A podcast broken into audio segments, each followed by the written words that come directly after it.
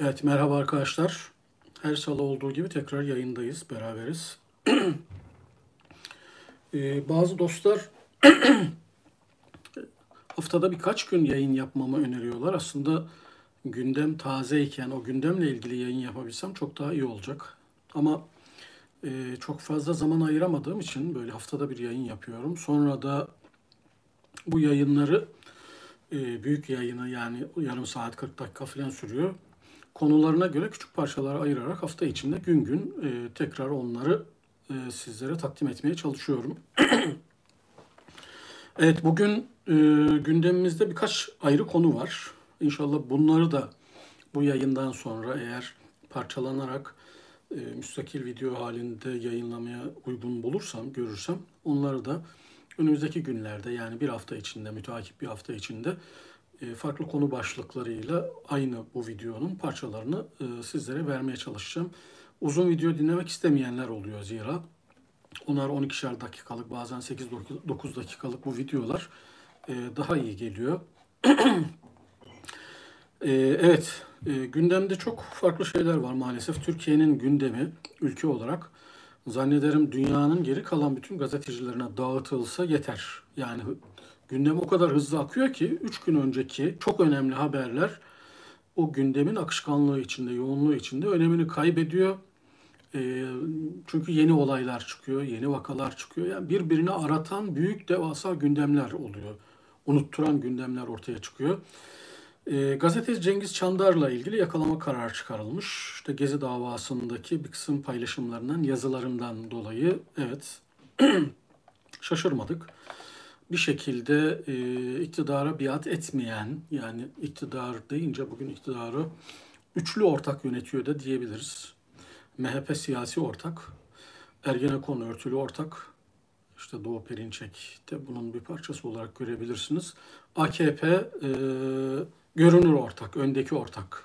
E, bunların bir şekilde bunlara biat etmeyen, bunların onay vermediği insanlar e, itibarsızlaştırılıyor, sokak ortasında dövülüyor, e, hapse atılıyor, malına mülküne el konuyor. Cengiz Çandar gibi e, Türkiye'nin önemli entelektüellerinden e, bir kişiye de yakalama kararının çıkarılması bizi şaşırtmadı ki Cengiz Çandar uzunca süredir zaten e, sessiz kalıyor. Yani bir şey yazmıyor, muhalefet etmiyor, ciddi bir sesi çıkmıyor. Bunu da daha öncelerde de bahsettim. Yani sessiz kalan aydınları da takdir ediyorum. En azından iktidarın mevcut zulüm düzeninin çarkı olmuyor. Mağdur, mazlum kesimlere küfretmiyor. E, hukuksuzluğun, adaletsizliğin destek, destekçisi olmuyorsa suskun kalmak bile bu dönemde bir kahramanlık demiştim. Cengiz Çandar da bunlardan birisi. Yani çok nadiren çıkıp yazan, konuşan, aslında birikimi olan, eski sol gelenekten gelen, Türkiye'nin toplumsal dokusunu, genetik yapısını iyi bilen, tam da bu zamanda ihtiyaç duyulan adamlardan, yani yaşı da artık 70'lerin üzerinde, tecrübesi olan, birikimi olan insanlardan ama maalesef Türkiye tecrübeyi öldürmede çok e, iyi. Bütün tecrübeli insanları öldürüyor. Öte taraftan bugün Assubay'dan albaya kadar 238 yeni karar, e, tutuklama kararı, gözaltı kararı daha alınmış askerlerle ilgili. TSK'yı imha prosesi süreci devam ediyor maalesef. Eski dönemlerde TSK'dan 28 Şubat gibi 80 ihtilali gibi dönemlerde 60 ihtilali gibi dönemlerde doğrudan atma şeklinde yapılıyordu. Bunu bu defa TSK içindeki Anadolu çocuklarına veya muhafazakarları veya muhalifleri her ne derseniz AKP eliyle tasfiye ediyorlar. Yani e, Türkiye'nin en önemli kurumlarından, devletin en önemli kurumlarından birisi olan TSK daha önce sivil siyaseti imha etmek için sopa olarak kullanılıyordu. Bugün sivil siyaset TSK'yı bitirmek için kullanılıyor. Yani dizaynı her kim yapıyorsa ülkede 10-15 yılda bir yapılan bu dizayn tasarım bunun komplo teorisi değil bilinçli olarak yapıldığını düşünüyorum. E, Türk toplumu buna malzeme olmayabilir, uyanık olabilir, haklarını savunabilir onlar ayrı bir şey ama şunu da görmek lazım. Türkiye gibi ülkelerde bir şekilde e, ülkenin ve milli iradenin üzerinde, hukukun, görünür aktörlerin üzerinde bir kısım tasarımlar yapılıyor. Daha önce bu asker üzerinden sivil hayata yapılıyordu. Şimdi Erdoğan üzerinden hayatın bütün alanlarına ve daha derin kazıma şeklinde belki hani 100 yılın kazıması şeklinde yapılıyor. Evet maalesef her gün tutuklamalar, rehin almalar, ölümler, annesinden ayrılan bebekler, işte cezasını çektiği halde hala rehin tutulan salınmayan gazeteciler var. Çok sayıda. Yani zaten hukuksuz cezalar verilmiş insanlara. Öte taraftan bu cezalarını çekiyorlar ama çekilmesine rağmen tahliye edilmiyorlar. Böyle de bir absürtlük, saçmalık var. evet bugünkü gündemlerimizden birincisi e, Biden yarın koltuğa oturuyor. E, Amerika Birleşik Devletleri'nin başına demokratlar gelince, Biden gelince, Trump gidince dünyada ve Amerika'da ne değişecek? Bunun üzerinde biraz duralım. Öncelikle şöyle bir e, geriye doğru son 100 yılın, son 50 yılın, son 20 yılın e, dünyadaki global aktörleri, e, başat aktörleri üzerinden bir kıyaslama yapmak lazım. İngiltere, Fransa işte geçen yüzyılın başat aktörleriydi. Kolonyalist dönemin aktörleriydi. Dünyanın pek çok yerinde kolonileri vardı. E, münhasıran Birinci Dünya Savaşı'ndan sonra ama İkinci Dünya Savaşı'ndan sonra Amerika öne çıktı başat aktör hale geldi. Dünya lideri oldu. Son 10-15 yıldır da ABD'nin ve Batı dünyasının da dünyadaki global güç dengelerinde nispi olarak güç kaybettiğini söyleyebiliriz. Amerika'nın da kaybettiğini söyleyebiliriz. Yeni güç odakları çıkıyor, yeni güç kaynakları çıkıyor ve bunlar daha çok Asya'dan çıkıyor işte. Rusya zaten Sovyetlerin mirasçısı olarak bir gücü vardı. Putin'le tekrar onu topladı. Şimdi Çin çok hızlı bir yükseliş içinde. Ee, Amerika'yı güçlü kılan asıl şey hard power'ı değildi. Yani dünyanın evet en büyük ordusuna sahip, en güçlü silahlarına sahip. Çin çok, son 10-15 yılda çok hızlı silahlanmasına rağmen, nükleer güce ulaşmasına rağmen, ne bileyim uçak gemileri yapmasına, üretmesine rağmen e, hala ABD'nin arkasında hard power'da e, ikinci sırada yer alıyor. Amerika'yı güçlü kılan şey o hard power'ın yanında yani askeri gücünün, silahlarının etkinliğinin yanındaki İkinci Dünya Savaşı Amerika'nın müdahil olmasıyla bitirilmiştir. Hitler yenilebilmiştir. Bunu görmek lazım. E, İngiltere'nin, Churchill'in çok gayretleri vardır. E, İngiltere Hitler'in, Nazilerin işgaline uğramamış ama sonuç itibariyle savaşı bitiren, demokratik dünyanın kazanmasını sağlayan şey Amerika'nın o gücüyle devreye girmesidir. Japonya'yı ve Hitler'i, Nazi Almanya'sını dize getirmesidir. Bu İkinci Dünya Savaşı'ndan sonra ABD dünyanın başat ve en önemli gücü oldu. Yeni bir dünya düzeni kuruldu Birleşmiş Milletler çerçevesinde. Galip devletler onun aktörleri oldu ama son 10-15 yıldır dünyada bir güç değişimi var. Başta ABD ve genel olarak da Batı global anlamdaki o nispi güç oranını kaybediyor. Asya'dan yeni güçler e, yükseliyor. Trump döneminde ABD'nin etkinliğinin ve gücünün daha da gittiğini, bittiğini söyleyebiliriz. Güvenilirliğini yitirdiğini söyleyebiliriz. Çin e, hard power dediğimiz e, böyle gücü tasnif ederken bir hard power, silahlı güçler, orduya dayalı güçler, şiddete dayalı güçler güç olarak tanımlanıyor. Soft power var bir de yumuşak güç dediğimiz o da daha çok sanat, kültür, müzik, eğitim, Hollywood, yardım faaliyetleri, işte ekonomi e, kullanma falan gibi Bunlar da soft power oluşturuyor. Amerika'nın gücünü oluşturan şey sadece hard power değildi geçtiğimiz 50 yıl içinde. Aynı zamanda bütün dünyayı etkileyen bir soft power'ı vardı. Yani Amerika'dan çıkan sanatçılar bütün dünyada moda oluyordu. Filmler moda oluyordu. Yani hala öyle. Hala Amerika dünyada, kültürde, sanatta, eğitimde, müzikte pek çok alanda dünyayı domine ediyor, etkiliyor. Bu yönüyle ABD güçlü. Fakat Trump dediğimiz e, otoriteryen eğilimleri olan zat döneminde ABD'nin bu soft power dediğimiz tarafı çok kullanılmadı. Hard power öne çıkardı, Amerika'yı içe kapattı. İşte Amerika'nın en önemli güçlerinden birisi de multicultural olması. Yani çok dil, din ve kültürden toplumlara açık olması, demokrasisi, hukuku, özgürlükleri bunlar Amerika'yı güçlü kılan soft power. O nedenle zaten e, Rusya gibi çok güçlü vurduğu ülkeyi deviren, Suriye'ye inen, Ukrayna'ya giren Rusya'dan insanlar soft power olmadığı yani hukuk, adalet olmadığı, müzik, sanat, eğitim olmadığı için kaçıyorlar. Nereye kaçıyorlar? Batı dünyasına, demokratik dünyaya kaçıyorlar. E, Amerika nispi olarak hem hard power'da hem soft power'da giderek önem ve güç kaybediyor. Biden'ın gelmesiyle birlikte Amerika'nın e, yükselen otoriter bloğa karşı yani Çin ve Amerika'ya karşı hem hard power'ını hem de soft power'ını daha iyi, daha etkili, daha verimli kullanması bekleniyor.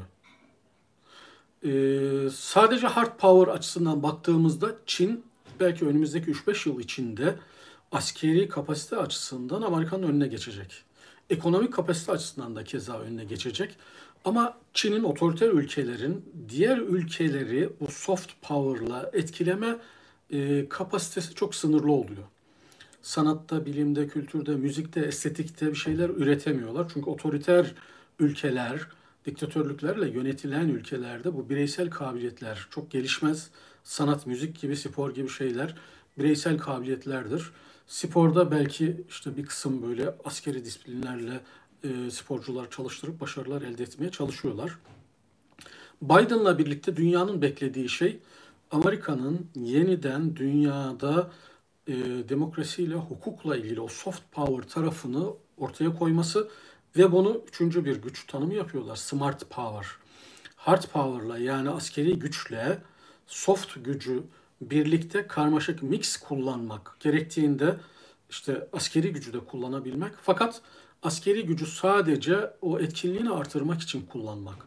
Yoksa son 20 yıl içinde 11 Eylül'den sonra ABD ve Batı Orta Doğu'da, Afganistan'da, Irak'ta, Suriye'de, Libya'da çok işgaller yaptı ve maalesef bu işgaller Amerika'nın vizyonunu daraltan, Amerika ile ilgili algıları olumsuza çeviren en önemli e, faktörlerdi. E, evet diktatörlere karşı, zorba güçlere karşı bir şekilde e, Amerika'nın ve Batı dünyasının AB ile ABD'nin, Atlantik'in iki yakasının, demokratik bloğun güç kullanması lazım ama soft power'ı öne çıkarması lazım. Biden'la birlikte Amerika'nın tekrar o demokratik yüzünün öne çıkacağını ve e, dünyada demokrasi rüzgarlarının Huntington'ın bu e, teorisiyle ters ve e, düz e, demokrasi dalgaları ve ters demokrasi dalgaları diye yaklaşımları vardı. E, Biden'ın iktidar olmasıyla birlikte demokrasi dalgalarının yeniden yükselişe geçeceğini, hiç olmazsa demokratik dünyadaki otoriter liderlerde azalma olacağını, mesela Trump'ın gitmesiyle birlikte e, demokratik dünyanın demokrasiye daha çok önem vereceğini, dünyanın geri kalanında da ABD'deki bu değişimin etkili olacağını e, umuyoruz, umuluyor. E, hard power dediğim gibi Rusya'da var, Çin'de var. Evet bu önemli. Bazen diplomaside hard power'ı kullanırsınız. Sizin diplomasiniz, siyasetiniz askeri gücünüze dayanır. Mesela Rusya bunu böyle yapıyor. Putin giriyor ülke askeriyle alıyor. İşte Suriye'ye giriyor. Esed mecbur oluyor da davet ediyor ve orada kalıcı hale geliyor. Yani hard power'ını siyasetinin ana malzemesi yapıyor. Bazen soft power'ınızı siyasetinizin ana malzemesi yaparsınız ki e, İkinci Dünya Savaşı'ndan sonra Amerika İkinci Dünya Savaşı'ndaki askeri başarısının üzerine mesela Japonya'da, Güney Kore'de, Türkiye'de dünyanın pek çok yerinde o demokrasiyi inşa, inşa etmek için o soft power'ını çok iyi kullanmıştı. Biden'la birlikte tekrar e, giderek ivme kaybeden demokrasinin, hukukun, insan haklarının bir miktar yükselişe geçmesi bekleniyor. Uzun vadede Batı dünyası nispi olarak güç kaybını devam ettirecektir ama giderek otoriterleşen insan ağır insan hakları ihlalleri yapan ve dünya için bir tehdit haline gelen münhasıran Çin'e karşı ben uzun vadede Rusya'nın da Çin'e karşı Batı ile birlikte hareket edeceğini düşünenlerdenim. Zira Çin'in tehdit edeceği ilk ülkelerden bir tanesi Rusya. Haritaya bakarsanız bunu anlarsınız. Çin'in her tarafı, üç tarafı neredeyse Rusya ile çevrili. Çin bir şekilde genişlemek istediğinde Rusya'nın aleyhine genişleyecek. Ee, Çin'e karşı otoriter, tek adamın yönettiği, hukukun olmadığı, bütün insan hakları e, sıralamalarında en sonda, ifade özgürlüğünde en sonda gelen Çin'e karşı bir şekilde Batı dünyası ABD daha da zayıflamadan veya Çin baş edilemez hale gelmeden bir kısım tedbirlerin alınması lazım ve bu tedbirlerin de askeri caydırıcılıkla sınırlı kalmaması lazım. Demokrasinin, hukukun, insan haklarının dünyada daha yaygın, daha egemen hale gelmesi için çaba sarf etmek, dünyadaki otoriter liderlerin ve otoriter eğilimlerinin e, bir şekilde önünü kesmek lazım. Biden'ın bunu yapması bekleniyor. Bunu yapacağına dair ifadelerde de bulunuyor. Mesela global problemlere eğiliyor. İklim değişimiyle ilgili Paris Anlaşması'ndan Trump çıkmıştı. Hemen ona mesela geri deniyor. Yine Trump mesela Meksika sınırından geçen göçmenlere karşı duvar ördürmüş. Aileleri, çoluk çocuk birbirinden ayırmıştı gayri insani bir şekilde. Bunlara karşı hemen tavır aldı. Biden'ın e, avantajlarından bir tanesi de şu. Yaşa ileri bir devlet tecrübesi var. Ama e, önümüzdeki seçime Biden girmeyecek. Aday olmayacak. Yardımcısı Kamala Harris girecek. Dolayısıyla e, Biden'ın popülist olmasını gerektirecek de bir durum yok. Daha rasyonel, dünyanın gerçek problemlerine eğilen bir siyasetçi olacaktır diye umuyoruz. Amerika önemli bir ülke.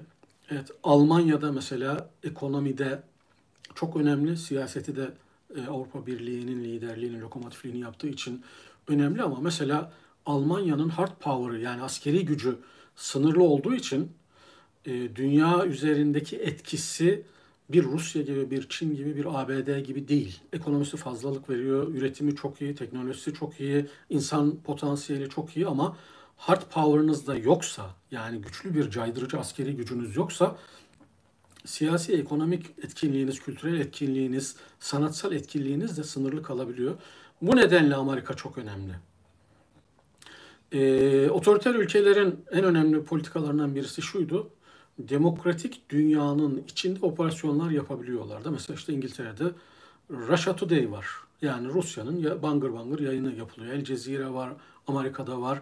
Otoriter bloklar kendi sınırlar içine mesela Çin'e bir WhatsApp'ı, YouTube'u, ne bileyim e, Facebook'u, e, Instagram'ı sokamıyorsunuz. O kendi insanlarına tamamen kendi uygulamalarını sokuyor. Kapalı bir devre ama bu otoriter ülkeler demokratik ülkelerin o demokratik haklarından, hukukundan, özgürlüklerinden yararlanıyor ve orada e, operasyonlar yapıyorlar.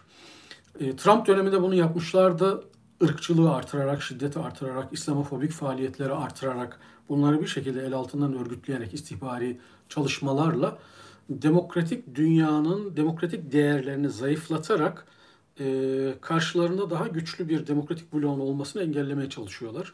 Bunlardan bir tanesi de Atlantik'in iki yakasını ayırmak. Hem Rusya'nın hem Çin'in en önemli politikalarından birisi şudur. ABD ile Avrupa Birliği'ni birbirinden ayırmak birbirine düşürmek mümkün olduğunca teker teker yemek. NATO şemsiyesi olmazsa Avrupa Birliği, Rusya ve Çin karşısında, diğer güçler karşısında askeri olarak, hard power olarak çok da güçlü değil. Yani hani sadece soft power da yeterli değil. İşte Almanya örneğinde verdiğimiz gibi çok iyi üretiminiz olur, çok iyi eğitiminiz olur, kültür, sanatta çok iyi olursunuz ama onu koruyacak caydırıcı bir askeri gücünüz yoksa bu defa yem olabiliyorsunuz. İşte Amerika hem hard power'a hem soft power'a birlikte sahip olan bir ülke. Ee, Avrupa Birliği'nin e, Atlantik'ten koparılması da dediğimiz gibi yani NATO şemsiyesinden çıkarılmaya çalışılması, ABD ile Avrupa Birliği'nin ayrıştırılması otoriter bloğun hedeflerinden birisiydi. Trump da bu doğrultuda ilerledi maalesef. Avrupa Birliği'ne çok önem vermedi. Avrupa Birliği de Trump gibi biraz böyle çatlak bir adamla çok çalışmak istemedi. Biden'dan sonra hem NATO'nun daha güçlenmesi hem Atlantik'in iki yakasının yani Amerika'nın ve Avrupa Birliği'nin demokratik iki bloğun, bu demokratik bloğun içine Yeni Zelanda, Avustralya, Japonya gibi, Güney Kore gibi ülkeleri de katabilirsiniz.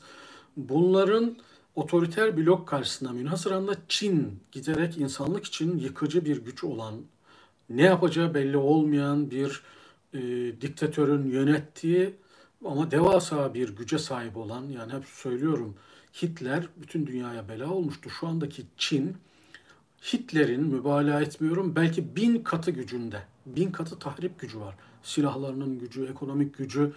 Hitler gibi bir adam 60 yıl önce dünyayı ne hale sokmuştu? Çin'den böyle bir tehdit çıktığında Hitler'in 100 katı, 1000 katı yıkıcı olabilecek bir potansiyel var. Buna karşı Biden önderliğinde ve Amerika önderliğinde insan hakları, hukuk, demokrasi, özgürlükler promote edilerek e, bu insanlık için yaklaşan büyük problemin önünün kesilmesi, demokratik değerlere vurgu yapılması lazım diye düşünüyorum. Bu yönüyle e, Biden'ın gelişi önemli. Umarım dünyada yeni bir demokrasi dalgasının başlamasına e, sebep olur diye temennimi ifade etmek istiyorum. Gündemlerimizden bir başkası da Davutoğlu'nun çıkışı.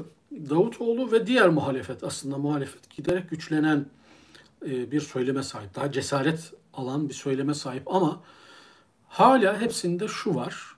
Kimse kral çıplak diyemiyor. Kimse doğrudan problemi gündeme getiremiyor. Hatta o problemin ürettiği söylemleri kullanıyorlar, ifadeleri kullanıyorlar, ağzı kullanıyorlar. Şimdi Davutoğlu da geçen hafta içinde e, Erdoğan'ın kuşatılmış olduğunu söyledi. Bir konuşma yaptı. Güzel taraflar da var. Mesela çıplak arama kabul edilemez. Bu konuşmanın e, takdir ettiğim e, yanlarından bir tanesi. HDP'nin kapatılma söylemi e, karşı çıkıyor? Kapatılması elbette kapatılmamalı.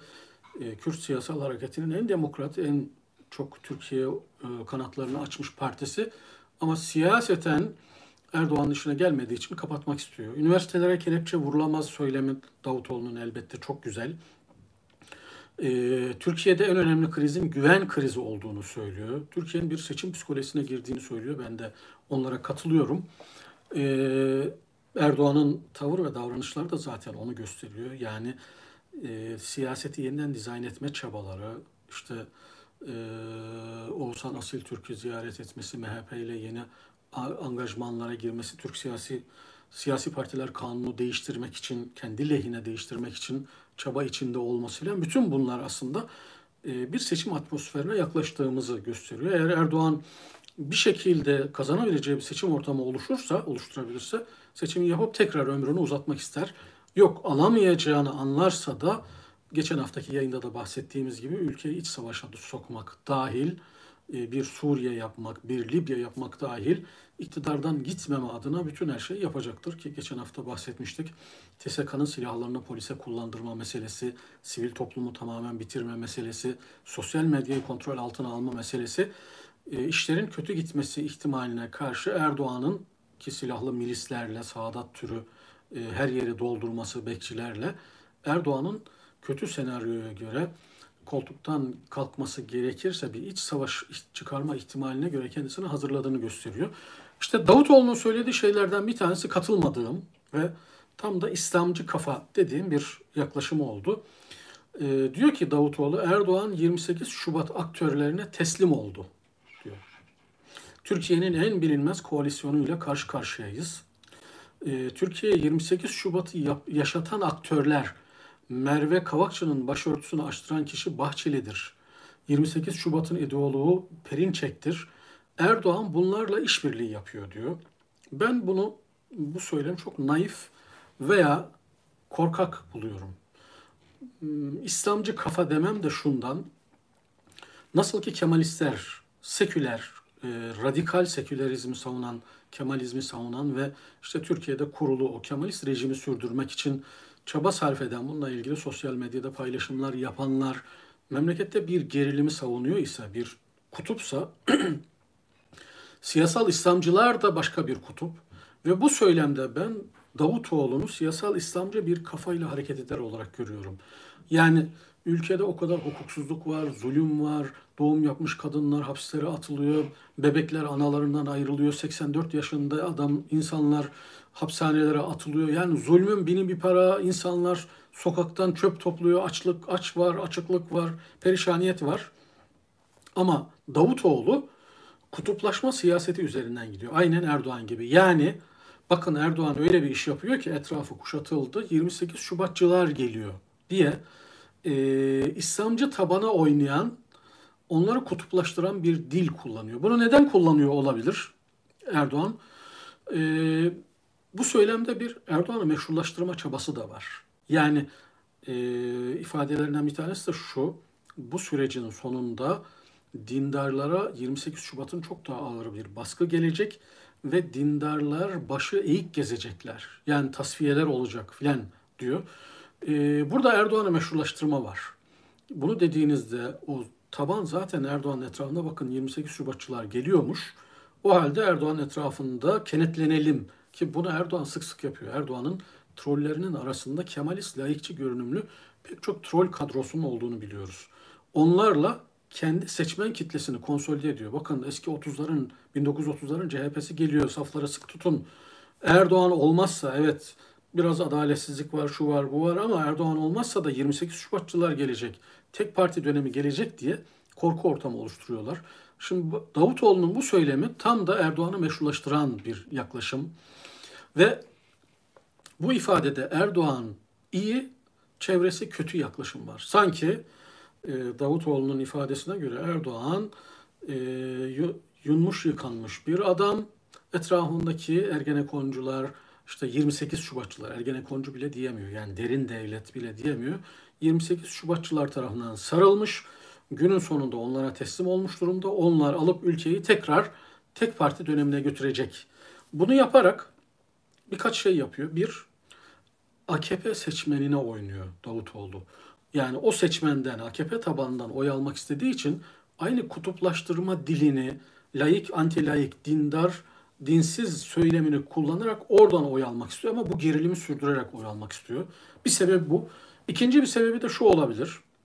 Davutoğlu e, bu bir iddia dayak yediği başbakanlıktan sonra ayrılmak istemediği için Erdoğan tarafından kolunun kırdırıldığı dayak yediği ve adeta böyle e, trenden tekme tokat kovulan bir adam. Başbakan iken en yüksek oyu almış iken Erdoğan'dan korkuyor. Dolayısıyla Erdoğan'ı doğrudan hedef alamıyor. Şimdi Davutoğlu da biliyor, herkes biliyor ki Kılıçdaroğlu yani hala Erdoğan'ın söylemlerini kullanan diğer muhalifler, liberaller de biliyor ki ve altını çizerek söylemek lazım. Bu ülkede en önemli problem Erdoğan. Erdoğan aldatılıyor filan değil. Erdoğan'ın çevresi kötü, kendisi iyi filan değil. Erdoğan Türkiye'deki bu problemlerin baş müsebbibi. Evet ortaklarının, MHP'nin, Ergenekoncuların, derin yapıların mutlaka payı var ama bu circle'ın içine, bu cenderenin içine Erdoğan koltuğunu korumak için iradi olarak girdi. Nitekim Davutoğlu gibi bir adamı bile e, partiden tekme tokat kovan Erdoğan'dır. İlk 10 yılda Erdoğan tek adam değildi ve güzel şeyler yapılıyordu. Erdoğan tek adam haline geldikten sonra bütün belalar, musibetler, problemler, zulümler, otoriterlik, hayatın her alandaki çöküş başladı ama maalesef Davutoğlu e, çalıyı dolaşmayı tercih ediyor. Problemlerin sebebi Erdoğan'dır demedikçe bu ülkede muhalefetinden, yazarından aydınına açık ve net bir şekilde kral çıplaktır.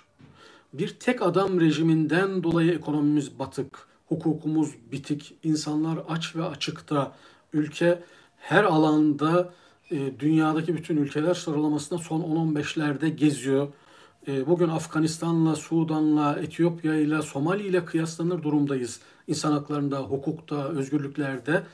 E, bunu herkes biliyor. Ama muhtemelen Erdoğan'ın e, taktığı adamdan intikam almasından dolayı, Erdoğan korkusundan dolayı başta Davutoğlu olmak üzere kral çıplak diyemiyorlar. E, kral çıplak demek lazım. Yani bunu yavaş yavaş kamuoyu da anlıyor. Artık vatandaşlar da görüyor ki Erdoğan Türkiye'nin milli güvenlik problemi, en önemli problemi. Davutoğlu ve diğerleri yani muhalif bütün partiler kutuplaştırma siyasetini bir tarafa bırakıp ağır bir zulmün, eziyetin olduğu, hukuksuzluğun olduğu, eşitsizliğin olduğu, yargının tamamen siyasetin köpeği haline getirildiği bu dönemde problemi iyi tespit edip kral çıplak demezler, e, çalıyı dolaşmaya devam ederlerse sadece bu süreci uzatırlar. Erdoğan'ın ömrünü uzatırlar. E, Davutoğlu dahil Erdoğan'ın söylemlerini bırakıp probleme parmak basmaları gerekiyor. Problem budur, tek adam rejimidir. Her şeye karar veren bir adamın ve onun ortaklarının, Ergenekon ve MHP gibi görünür ve gizli ortaklarının her şeyi kontrol etmesi bu ülkenin en büyük problemidir. Gelin laik seküler değil, sağcı solcu değil, dinli dinsiz değil. Temel insani meselelerde, evrensel hukukta, hukukun üstünlüğünde, insan haklarında bir araya gelelim diyerek bu zeminde muhalefet yapmaları, bu zeminde siyaset yapmaları lazım. Yoksa işte Davutoğlu gibi AKP tabanından oy alırım diye çalıyı dolaşanlar veya Erdoğan'ın ürettiği 15 Temmuz sonrası söylemleri kullanarak muhalefet yapmaya çalışan CHP gibi, e, Gelecek Partisi gibi, Deva Partisi gibi bu partilerin bu söylemleri sadece ülkedeki problemi uzatacaktır. Çözümü geciktirecektir. e, bütün siyasetçilerin, akla eren insanların ve AKP içindekilerin Davutoğlu'nun e, vurgu yaptığı önemli noktalardan birisi de oydu. Ben de o kanaatteyim. Erdoğan'ı yine AKP'nin içinde kaldıysa bir miktar insaf ve vicdan sahibi insanlar çözebilir. Çünkü Erdoğan söylemleriyle kitleleri medyasıyla tabii büyülüyor.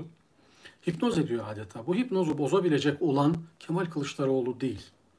Bu hipnozu bozabilecek olan ABD, Avrupa, Macron, Merkel değil. Bu hipnozu bozabilecek olan biraz vicdanı varsa, biraz gerçekten İslami duyarlılığı varsa, Allah korkusu varsa, dini duyarlılığı olan insanlar, AKP tabanından gelen insanlar veya işte bir kısım tarikatlerin, cemaatlerin, Furkan Vakfı gibi önde gelenlerinin bu gidiş gidiş değil, bu tek adam rejimine dur demek mecburiyetindeyiz. Yoksa ülkenin 50 yılını nesillerimize heder edeceğiz, memleketimize heder edeceğiz diye çalıyı dolaşmadan açık ve e, net bir şekilde kral çıplaktır ve bu çıplak kral da Erdoğan'dır demedikleri sürece sadece bu süreci uzatmış olacaklar. Sadece Erdoğan'a güç vermiş olacaklar. Bu yönüyle ben Davutoğlu'nun bu konuşmasında doğru yanlar bulmakla birlikte tam bir siyasal İslamcı dili yani kutuplaştırıcı, ötekileştirici, gerilim üzerinden kendine siyasi taban devşirmeye çalışan pragmatist bir yaklaşım görüyorum. Umarım bunun farkına varır. Ee, Müslümanların, dindarların diyor başı önden kalkmayacak. Erdoğan'ın son 5 yılında zaten Anadolu'nun 40-50 yıllık bütün dindar, eğitimli kadrolar, insanları biçildi. Ve şu andaki bu tablodan dolayı cemaatler, tarikatlar, dindarlar Erdoğan gibi bir adama ve AKP gibi bir partiye destek verdikleri için önümüzdeki 50 yılda, 100 yılda torunlarının, çocukların yüzüne bakamayacaklar. Bu karanlık dönemin destekçileri olarak geçecekler zaten. Sanki bunlar yokmuş gibi, gelecekte olacakmış gibi Davutoğlu'nun böyle naif konuşması da e, komik kaçıyor. Biraz böyle polyanlacı, ayakları yerden kesik, hayattan kopuk. O biraz da muhtemelen e, Erdoğan korkusuyla, çünkü yakın çalıştılar, Erdoğan'ın nasıl bir adam olduğunu biliyor. E, çalıyı dolaşmayı, doğrudan çataşma, sataşmamayı tercih ediyor. Ee, umarım bütün ım, muhalif kesimler hukuk, demokrasi, insan hakları zemininde e, buluşarak siyasi farklılıkları kutuplaştırma dilini terk ederek ülke güvenliğini, milletin geleceğini, Türkiye'nin 85 milyonun ve gençlerin geleceğini dikkate alarak hakikati açık ve net söyleyebilirler. Kıvırmadan, e, çalıyı dolaşmadan, korkulara kapılmadan. Evet, bir başka konu da mafyalaşan siyaset geçen haftanın en önemli gündemlerinden birisiydi. Yani siyaset öyle bir hale geldi ki artık e, zaten muhalif kalmadı. Yani medyada muhalefet yok. Tamamen güdümlü. İşte anlata geldiğim gibi muhalif görünen siyasi partiler de Erdoğan'ın jargonlarıyla konuşuyor. Söylemleriyle, diskurlarıyla konuşuyorlar. Ona güç veriyorlar. Ama buna rağmen arada çatlak sesler çıkıyor. Yani ekonomi, açlık, sefalet arttıkça doğal olarak toplum huzursuzlanıyor. Ve bunun dışa vurulması gerekiyor bir şekilde. Bu tür e, eleştirel yaklaşımlar bir şekilde dayakla, sopayla, silahla, yolunu kesmekle e, bastırılmaya çalışılıyor. MHP de böyle, AKP de böyle. Geçen hafta içinde e, giderek eriyen, güven kendi yani milliyetçi taban dediğimiz tabana da artık güven vermeyen, insanların umudunu kestiği, bir yönüyle AKP'yi rehin almış gibi gözüken ama öte taraftan AKP'ye kuyruk olma mecburiyeti olan e, Devlet Bahçeli'nin MHP'si giderek güç kaybediyor. Aynen AKP gibi. Ama e, bu sorgulanmayı durdurmak için de mafyatik yöntemleri kullanıyor maalesef Devlet Bahçeli. Geçen hafta içinde gazetecileri dövdüler. Gelecek Partisi'nin e, Genel Başkan Yardımcısı Selçuk Özdağ'a ağır bir saldırı, silahlı bir saldırı oldu işte TV programcısı Afşin Hatip, Hatipoğlu'na, e, Orhan Uğuroğlu'na saldırılar oldu. Bu insanların tek yaptığı şey Devlet Bahçeli'nin siyasetini eleştirmekti. Yani düşünce özgürlüğü, fikir özgürlüğü, bir şiddet yok, bir itham, iftira yok. Ama gittiler bu insanları evlerinin önünde magandalarla dövdürdüler. Daha önce de e, bu sadece MHP'ye mahsus değil. AKP'nin de yaptığı bir şey. İşte bunun en çarpıcı örneklerinden birisi belki de kötü bir örnek oldu. Ahmet Hakan dayağı yedikten sonra 180 derece döndüğü için bu tür mafyatik yapılarda zihniyetteki insanlar şunu dediler. Ha, demek ki dayağı atınca, ağzını yüzünü kırınca kafası da düzeliyor. Yani bir şekilde hizaya geliyor. Daha önce de mesela Kemal Kılıçdaroğlu'na bir inek hırsızına yumruk attırdılar. Sebahattin Önkibar dövüldü, Ahmet Takan dövüldü, Yavuz Selim Demirci dövüldü, Murat İde, pek çok gazeteciye, siyasetçiye AK Partililer ve MHP'liler tarafından saldırılar oldu. Bu aslında bir zaafın işareti. Yani düşüncesi ve e, güçlü olmayan, siyaseti tutarlı olmayan, söyleyecek sözü olmayan e, insanlar şiddet kullanırlar. Siyaset çözüm üretme sanatıdır. Ülkenin önündeki tıkanıklıkları açma mesleğidir, sanatıdır. E, açamayınca, ülke giderek tıkanınca bu defa ne yapıyorlar? Bu tıkanıklıkları dile getiren, problemleri dile getiren insanları sindirme, susturma e, ve konuşamaz hale getirme politikası izliyorlar. İşte Çin'de olduğu gibi, Putin Rusya'sında olduğu gibi Türkiye'de de maalesef e, bunlar oluyor. Mafyalaşmış bir siyaset var. Öbür taraftan öyle bir şey var ki devlet mi mafyayı idare ediyor, mafya mı devleti idare ediyor karışmış durumda. İşte Sedat Peker dün kanınızda banyo yapacağız, bayrak direklerini asacağız diyen bir mafyanın dönemi gitti. O dönem o muteberdi, mitinglerde o vardı. Sonra şimdi hapisten çıkarılan Alaaddin Çakıcı MHP'nin çıkardığı. Bu ikisinin çatışmaları var. Birisi ülkeyi terk ediyor, kaçıyor, öbürü onu tehdit ediyor filan. Yani kimin kimi kullandığı da karışık. Devleti yönetenler mi bunları tetikçi olarak kullanıyor? Yoksa bunlar mafya liderleri devletin unsurları, organları üzerinden kendi kozlarını paylaşıyorlar. Ee, bunu anlamak da zor ama sonuç itibariyle öyle bir tablo var ki mafyalaşmış bir devlet var. Hukukun olmadığı, düzenin olmadığı, hukuka uyması gerekenlerin anayasa yasalara uymadığı, mafyanın söyleminin belirleyici olduğu, e, anlaşmazlığa düşen insanların mafya üzerinden artık bir kısım işlerini çözmeye çalıştığı bir e, tuhaf mafyatik dönem yaşıyoruz. Evet bir başka konu da arkadaşlar e, sırada MHP'nin dizaynı mı var? Malumunuz Erdoğan bu da bir erken seçimin, baskın seçimin yaklaşmakta olduğunu gösteriyor kanaatimce. E, Erdoğan parti liderleriyle görüşmeler yapıyor. İşte MHP lideriyle ki pandemiye rağmen yani Erdoğan salgından korkan hatta o salgının ilk dönemlerinde aylarca piyasada gözükmedi kendisiyle ilgili mübalağalı tedbirler, güvenlik tedbirleri alan bir adam ki aşı yapmaya da yüzlerce araçla gitti. Hatta bir e, espri vardı, çok tuttum onu. E, keşke o aşıya gideceğine aşı ona gelseydi çok daha ucuz olurdu. Çünkü bir aşıya gidiyor yüzlerce konvoyla. E, çok maliyetli bir şey. Aşıyı ona getirseler daha iyi olurdu ama işte orada da bir gösteriş var. Cumhurbaşkanı aşı oldu diye Çin aşısına karşı güvensizliği kırmak için muhtemelen konumunu kullanıyor. Ama şu var yani Erdoğan bir şeylerin hazırlığı içinde. Oğuzhan Asil Türk'le görüştü. Milli görüşçülerin hayatta olan en etkili adamı Erbakan'dan sonra. Saadet Partisi ile e, yönetimiyle bir kısım anlaşmazlıkları var. Erdoğan çok küçük dilimlerdeki oylara bile ihtiyaç duyuyor şu anda. Çünkü oy tabanı, seçmen tabanı eriyor sürekli. Hem MHP oy kaybediyor hem AKP kaybediyor. Daha da kaybedecek. Çünkü her şeyi bitirdiler, ülkeyi bitirdiler. Ama saraylar yapmaktan da geri durmuyorlar. İşte Van'daki saraya ne kadar harcamışlar. Ege e, sahillerinde bir saray açmıştı. Ona bilmem ne kadar para ayırıyor. Ama insanlar, işte emekçiler, emekliler, işsizler onlar aç kalıyorlar. Çöpten yemek topluyorlar. Onlara para bulunmuyor. E, bunu gördüğü için siyaseten bir taraftan tedbirler almaya çalışıyor. İşte e, Saadet Partisi'nin yanına çekmeye veya Saadet'in tabanını en azından AKP'ye çekmeye çalışıyor. MHP başkanlığını kontrol altında tutmak istiyor Devlet Bahçeli'yi. Çünkü o olmadığında ciddi bir kaybı olacak. MHP de e, AKP Erdoğan'a muhtaç.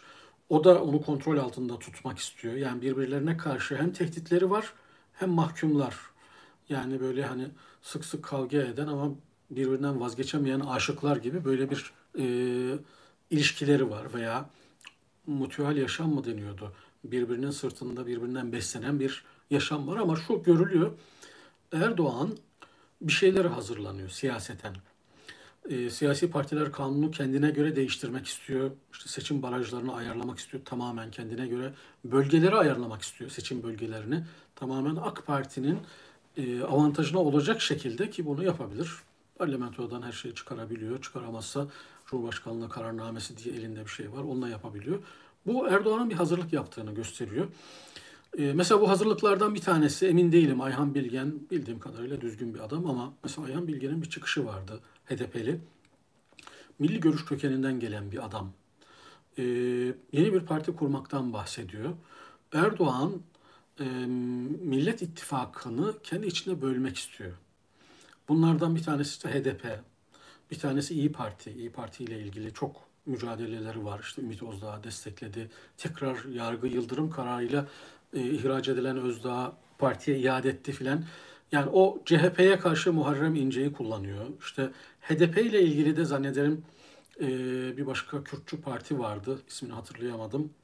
E, uzun süredir var olan ama pasif bir parti. Onu tekrar aktive ediyor.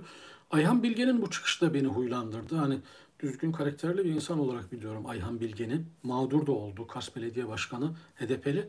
Ama Ayhan Bilge'nin şöyle bir geçmişini bilmek lazım. Siyasal İslamcı kökenden geliyor. Milli görüş tabanlı. Bu milli görüşçülük bulaşan insanlar bir şekilde daha sonra tekrar aslına dönebiliyor. Nasıl oluyorsa o gömleği tekrar giymeleri her an mümkün. Ayhan Bilge'nin tekrar bir parti kurmaktan bahsetmesi de beni huylandırdı. Ee, öte yandan Tuğrul Türkeş'le ilgili işte geçen hafta bir e, gelişme oldu. Tuğrul Türkeş kim?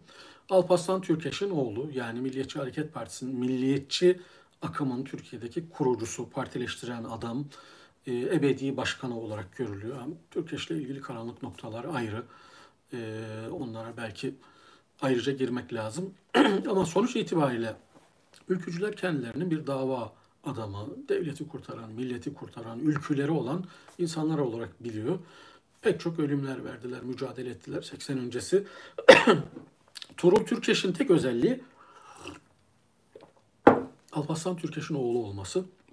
Ülkücüler mücadele ederken, ölürken, hapislerde çürürken Tuğrul Türkeş e, bohem hayatın içinde kendi keyfiyle, kızlarla, zevklerle, kumarla, onunla bununla uğraşan bir adamdı.